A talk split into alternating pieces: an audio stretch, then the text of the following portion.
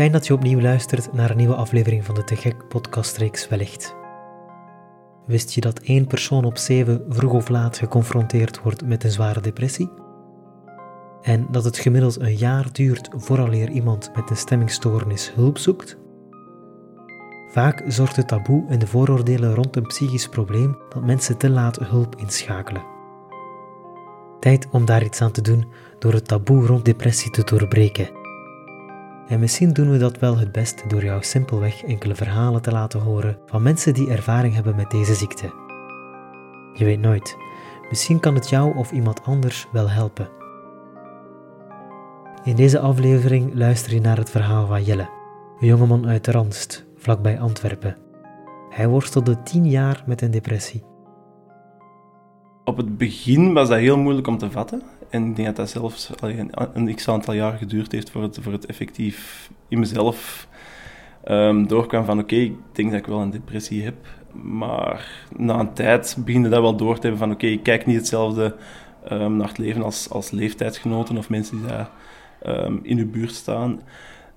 Voor mij was het leven eigenlijk constant een soort van jacht naar geluk. Ik merkte in mezelf dat ik niet, zeker in de omgang in mijn puberteit met, met, met leeftijdsgenoten, dat het niet datgene was wat de anderen ervaarden uh, in hun leven. Niet hetzelfde geluk, niet hetzelfde. Um, ik ga feesten en ik, voel mijn eigen een hele avond kijken hoe. En ik, ik, ik ervaarde het heel anders als mijn leeftijdsgenoten. En na een tijd kwam echt dat besef van oké, okay, hier is iets niet juist. En wat, wat denk je dat de oorzaak was van die depressie? Eigenlijk een opeenstapeling van, van momenten in mijn leven. Nu, als kind ben ik altijd wel een redelijk emotioneel geladen kind geweest. Maar ik denk dat niet per se de, de depressie heeft, heeft veroorzaakt, zal ik maar zeggen. Wij hebben huishoudelijk heel veel problemen gehad met mijn vader. Um, die het ook na een tijd is afgestapt. En dat maakte mij als, als jonge puber van 13, 14 jaar ook wel behoorlijk kwetsbaar, denk ik. Nu moeten ze dat volgens mij in school ik, opgepikt hebben. En daar is heel hard misbruik van gemaakt. Dat zijn heel moeilijke periodes geweest, waar ik, waar ik heel hard in gepest ben geweest. En ik denk dat dat het alleen maar voedde. Dat, dat op een bepaald moment, ja, je voelt niet goed op school. En dat begon zich zo uit te stralen naar mijn, naar mijn leven thuis. En, en als 13, 14-jarige is dat heel veel om te dragen. En ja, ik denk dat dat soort, het, soort, het soort dingen zijn die ervoor gezorgd hebben dat ik, dat ik uiteindelijk in de depressie terechtgekomen ben. Niet alleen de problemen thuis en op school zorgden voor een extra kwetsbaarheid, het was ook moeilijk om erover te praten. In eerste instantie was het gewoon heel moeilijk om, om, om het voor mezelf te erkennen als een depressie. Dus over gevoelens praten was ook, was ook enorm moeilijk. En als dan op een bepaald moment, als ik 16 jaar was, de eerste ja, automutilatie begon te gebeuren en begon zich echt te uiten fysiek, de depressie, dan was het ook wel snel de stap gezet van oké, we gaan een psycholoog opzoeken, ook van, ook van een soort van druk uit van thuis, van oké, dit kan niet meer door de beugel en we gaan, we gaan hulp opzoeken. En zelfs daar was het heel moeilijk om erover te praten. Dat heeft heel lang geduurd voordat er effectief iets, iets ik zal zeggen, nuttigs uitkwam, iets, iets waar dat ze iets mee konden aanvangen. Ehm, gevoelens was heel moeilijk om over te praten vroeger. Ik ben ook effectief opgegroeid in een familie waar dat niet echt de gewoonte was. Um, mijn grootvader, zaliger, ondertussen gestorven, um, die had altijd de, de leuze ai en weg, zei die. Dus je viel of je, je deed jezelf zeer en je moest verder gaan. En hetzelfde geldt voor emoties. Bijvoorbeeld in dat huishouden bij mijn grootouders was het niet oké om je emoties te uiten. Was werd dat niet als oké bekeken? Ik zeg het voor de psychische dood graag. Maar ik denk dat dat, ja, van thuis uit ook altijd een, een, soort van blok opgezet is. Um, van het moment dat er iets emotioneel gebeurde, dat dat, dat, heel hard werd afgeblokt en werd bekeken als oké, okay, dat komt wel in orde. En um, nu ja, met wat ik achteraf weet, is dat natuurlijk zou ik natuurlijk zeggen van het zou veel beter zijn je gevoelens te uiten. Ehm, ik merk dat nu ook, ik doe het zelf heel vaak, nu op dit moment in mijn leven. En ik merk dat het thuis dikwijls nog een blok is voor bijvoorbeeld mijn moeder of, of anderen, zelfs in mijn omgeving als vrienden, dat het moeilijk is om die gevoelens te uiten, waar dat bij mij nu redelijk vlot gaat. Dus ik zou zeggen van ja, het, is, het, is, het zou veel gemakkelijker zijn als je het als kind gewoon kunt aanvaarden en uiten. Er heerst nog een groot taboe op het spreken over emoties en gevoelens. En bij mannen is dat taboe zelfs nog groter. In, in de psychiatrie bijvoorbeeld ook heb ik, heb ik als enigste man heel mijn traject afgelegd tussen vrouwen. Wat dat niet is omdat vrouwen bij wijze van spreken een zwakker geslacht hebben, maar wat dat effectief volgens mij is omdat mannen het minder aanvaard is dat soort dingen te uiten.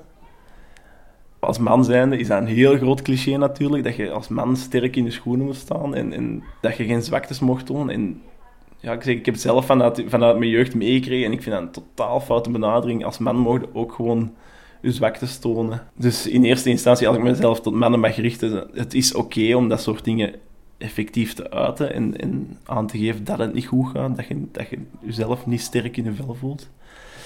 Een tweede cliché, ja, dat vind ik, en dat vind ik een heel, ja, een, heel schrijnend cliché eigenlijk, binnen psychiatrie, is dat binnen media zo nog het hele dwangbuizen projectie in stand wordt gehouden. Als ik zoiets in de media, ja, natuurlijk, de media is sensatiebelust. Als je zoiets terugkomt, dan denk je mezelf, allee. En zo het hele, het hele idee van in de psychiatrie is iedereen ziek in zijn hoofd en is iedereen ongelukkig, is zo fout. Is zo, klopt gewoon helemaal niet. En ik, ik zou iedereen uitnodigen, in zoverre dat mogelijk is, om eens een keer een psychiatrie te kunnen bezoeken, om, om eens een keer te kunnen zien hoe gaat dat er aan toe. Want dat is effectief niet zo dat mensen daar 24 op 24, 7 op 7 ongelukkig zijn. Dat is zo'n fout idee. We hebben er, ik kan echt voor elk moment dat ik tranen heb gezien in een psychiatrie, voor elk moment dat ik zelf tranen heb gelaten, kan ik zoveel momenten met die bepaalde mensen, waar dat je een heel, heel hechte band mee creëert, want je uiteindelijk zit in elkaars problemen constant. Um, kan ik ook momenten aanduiden waar ik zeg van, dat zijn echt een van de mooiste momenten in mijn leven dat ik daar heb meegemaakt. En dat zijn momenten waar je samen ook een heel intens geluk beleeft. Um, de dichtste, sommige van de dichtste personen in mijn leven heb ik daar leren kennen.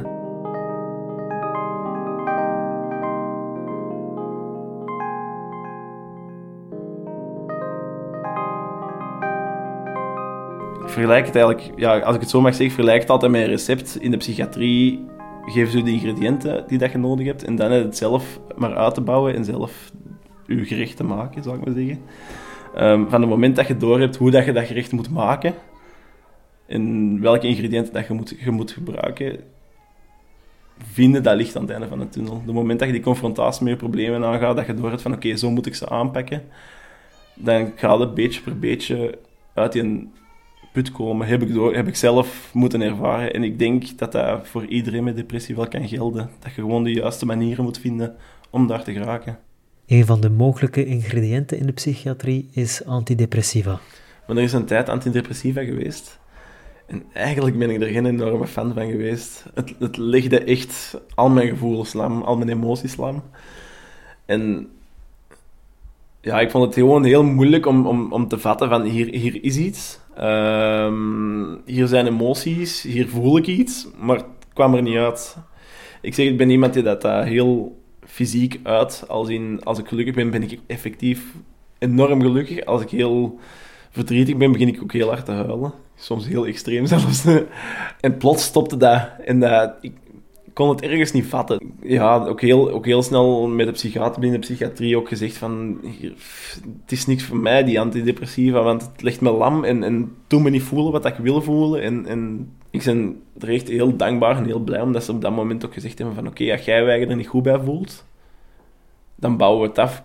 Ik denk dat dat uiteindelijk ook het belangrijkste is op dat moment dat je er ook in gehoord wordt. Dat je, voel, dat je zelf het gevoel hebt van dit is niet het resultaat dat ik wil bereiken.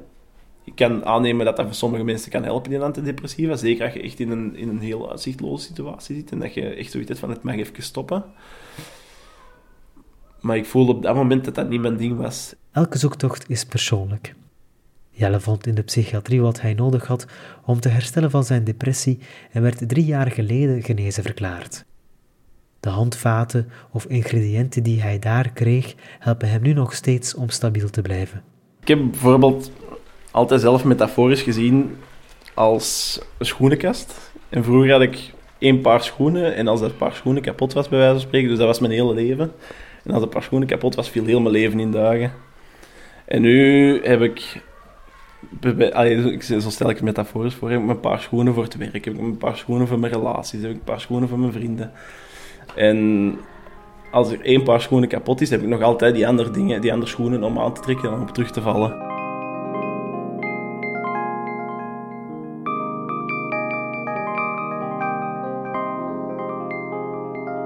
Je luisterde naar het verhaal van Jelle.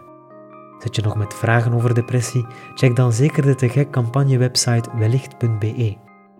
Heb je na het luisteren van dit verhaal nood aan een gesprek? Je kan terecht bij teleonthaal op het nummer 106 en bij de zelfmoordlijn op 1813. Mijn naam is Matthias Cornelli en ik maakte deze podcast samen met Esther Kolen in opdracht van Te Gek. Bedankt Jelle, bedankt ook Axel voor de muziek en bedankt aan alle mensen die mij gesteund hebben bij het maken van deze podcastreeks. Graag tot de volgende keer.